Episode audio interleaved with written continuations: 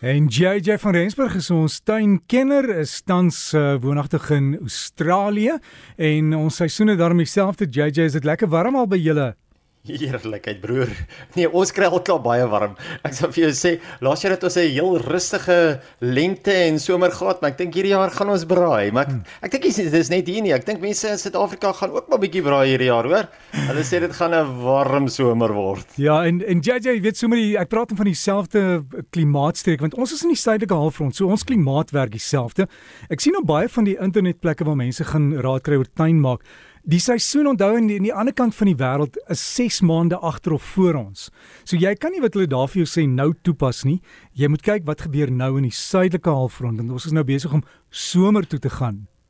Dis hoekom dit so belangrik is om net met plaaslike mense te gesels, met jou plaaslike kwekery te gaan gesels, met die mense wat in daai kwekerye werk om by hulle te hoor wat presies in jou omgewing gebeur en hoe mense dit moet hanteer. Want dit dit is net so. Mense spring altyd vinnig na die internet toe en ek het dit al vele kere gehad dat mense vir my kom sê ja maar die internet sê dit. Dan vra ek vir hulle maar waar in die internet jy dit gesien?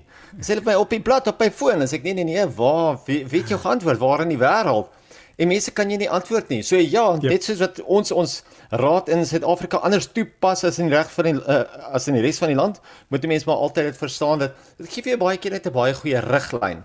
Maar 'n mens moet dit nie altyd uh, probeer vat soos dit is nie. Ja, en JJ, ek vind ook daar's deesdae 'n neiging vir mense om meer endemies te plant. Jy weet mense kry in Suid-Afrika ons uh, inheemse plante, maar wanneer dit kom by endemies is goed wat daar in jou onmiddellike omgewing voorkom en jy kan in die veldrein sien wat blom en wat groei en dit in jou tuin plant. Weet met omtrent ek dink dit is 20000 inheemse plante in Suid-Afrika en soveel van hulle endemies tot sekere streke. Is dit so lekker dat 'n mens eintlik nie regtig hoef uitheemse plante te plant nie. 'n Mens behoort eintlik met inheemse plante 'n pragtuin te hê en natuurlik met baie minder onderhoud, baie minder moeite, baie minder water en plante wat gehard is vir jou omgewing. So ja, weer eens gaan gesels met jou kwekery. Sommige met iemand daarso wat weet wat in jou area sommige natuurlik voorkom en die beste sal groei. JJ, ek het nou net vir jou foto gestuur wat ek gekry het van iemand wat sê, "Kan ek vir jou vra wat veroorsaak dat my klippies se blare so geel is?" En hy dis dit is 'n foto wat gestuur is en jy kan sien in die punte en dit begin blom, maar daar is definitief 'n probleem, dit begin amper grys word, net JJ. Dis skrik ja, Derek en die persoon het ook gesê dat die klipie kry wel 'n klein bietjie of wel kry middagson.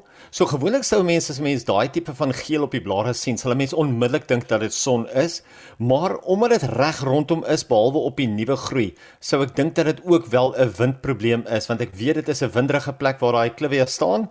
So ek dink dit is 'n kombinasie van miskien 'n bietjie son of meer son en ook wind. So die plant self droog baie vinnig uit in die wind en dan brand die son hom ook sommer. Maar nou dat jy praat van Clivias, ek weet jy het net genoem van die Clivias skou in die tuinroete.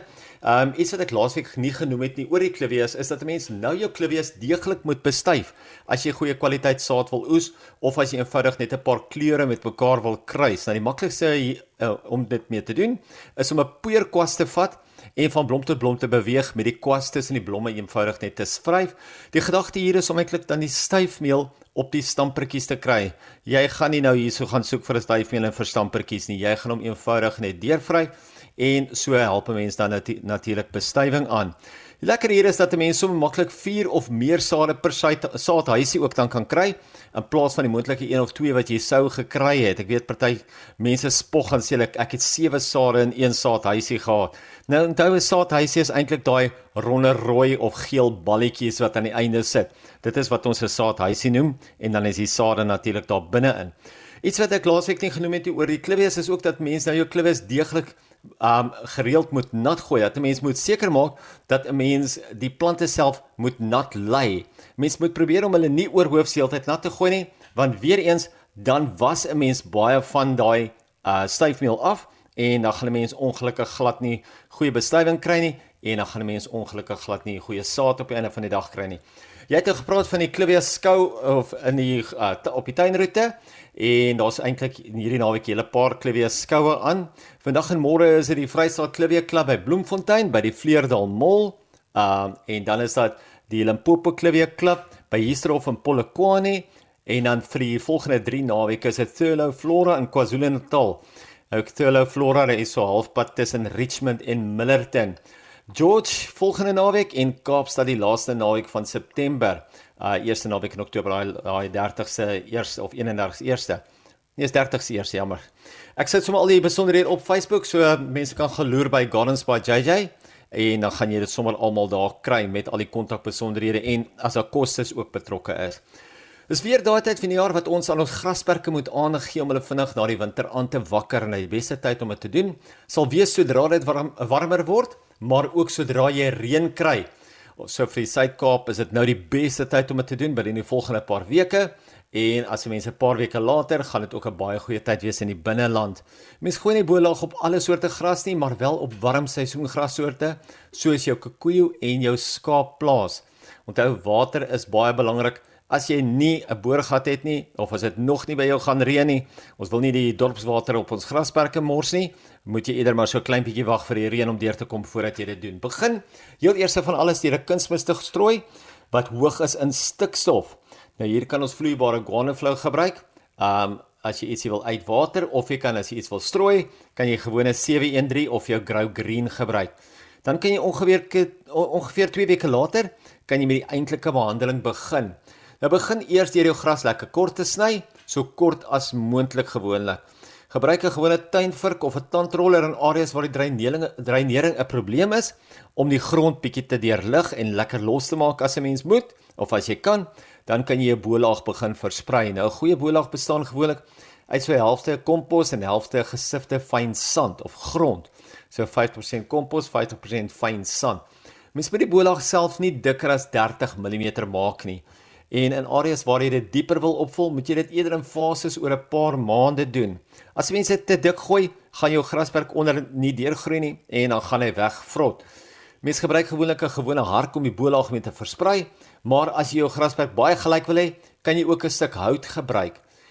Die laaste twee baie belangrike punte is eerstens om jou grasperk baie gereeld nat te maak en dan tweedens om vir die volgende maand of so nie te sny nie. Met die nat maak is dit belangrik om te verstaan dat dit nie nodig is om baie water oor jou bolaag uit te water nie of oor jou grasperk uit te water nie, maar dit is belangrik om dit so gereeld as moontlik te doen sodat die grondkors sag bly um, om lekker sag en klam te hou sodat jou gras baie maklik kan deurgroei.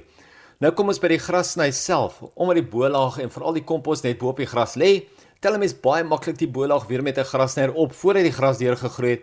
So om nie nou al jou werk ongedaan te maak nie of om nie alles te verloor nie, is dit die beste om as 'n mens sou sny, wag net so vir 'n maand of wat voordat jy jou grasperk sal sny. Laat hy eers behoorlik deurgroei en dan kan jy 'n maand of wat later kan jy jou grasperk sny. Dit is ons plant van die week vir hierdie week. Ons uh, baie mense soek plante wat deur die jaar vir jou kleur gee en so sê dwars deur die jaar vir jou blom en hier is sommer nog een vir ons plant van die week.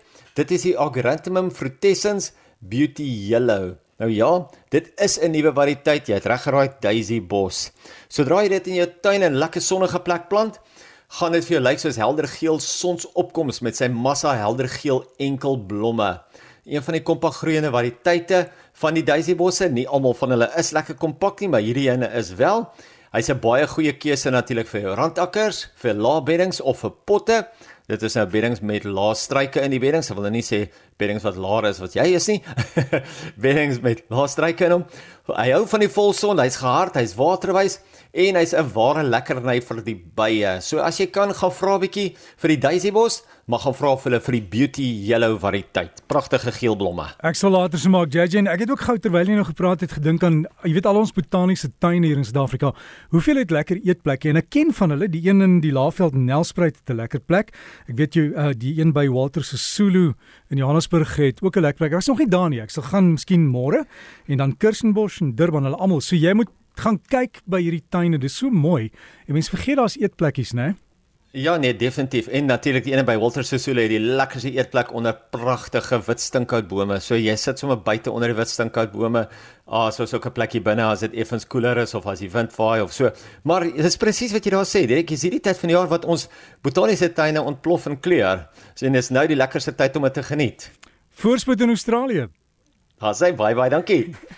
JJ van Rensburg het so gesels en as jy wil kontak maak, ek weet hy het sy Facebook bladsy Gardens by JJ en jy kan net daar soek. Hy sit die foto's en goed daar vir ons van die plante van die week en dan kan jy ook vra vir jou Daisy bos by jou kwekery, maar wys die foto en kry die regte een en lekker tuin maak.